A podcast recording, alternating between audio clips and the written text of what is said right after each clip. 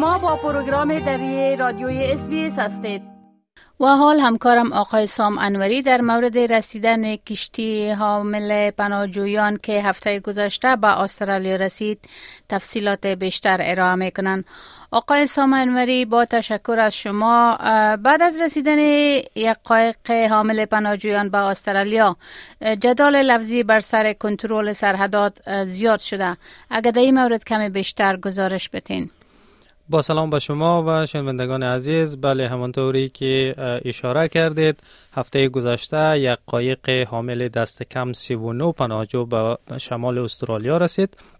سرنشینای قایق که گمان میره اهل بنگلادش و هند و پاکستان باشند روز جمعه در نزدیکی یک محله بومی دورافتاده موسوم به بیگل بی پیدا شدند و تا بعد از ظهر یکشنبه 18 فوریه همه آنها به بازداشتگاه فراساحلی دولت استرالیا در جزیره نارو منتقل شدند.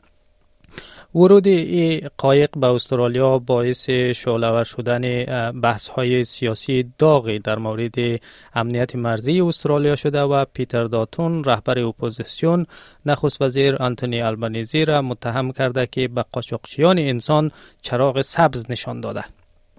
آقای داتون روز دوشنبه به خبرنگارا گفت که واضح است که حکومت کارگر همو نظارت را نداره که ما در زمان حکومت خود بر مرزهای استرالیا داشتیم. او همچنین گفت که من می‌فهمم که عملیات مرزی مرزهای مستقل چگونه کار می‌کنه و وقتی ما در 2013 به حکومت آمدیم مردم داشتند در دریاها در دریا غرق می شدند ما قایق ها را متوقف کردیم و توانستیم که اونا را متوقف نگه داریم.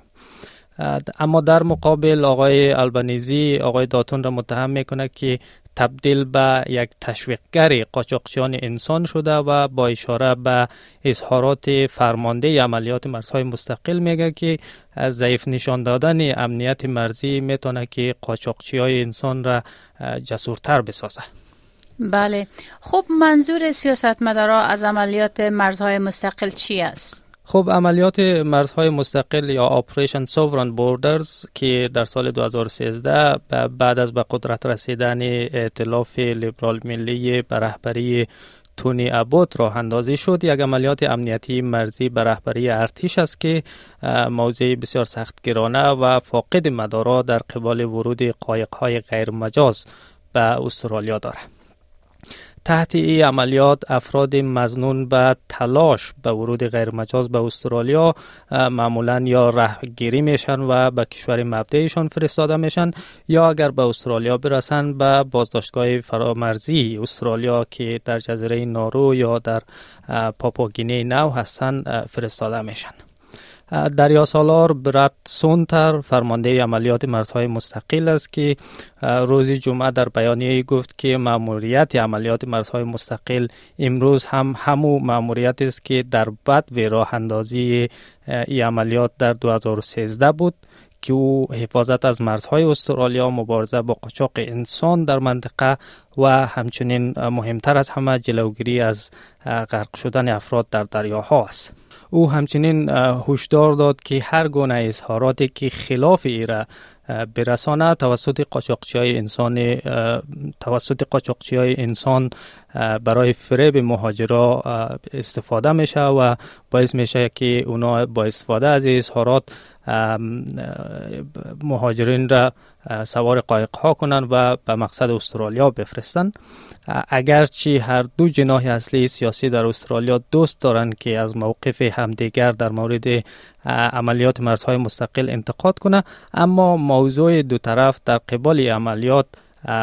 همیشه یکی بوده.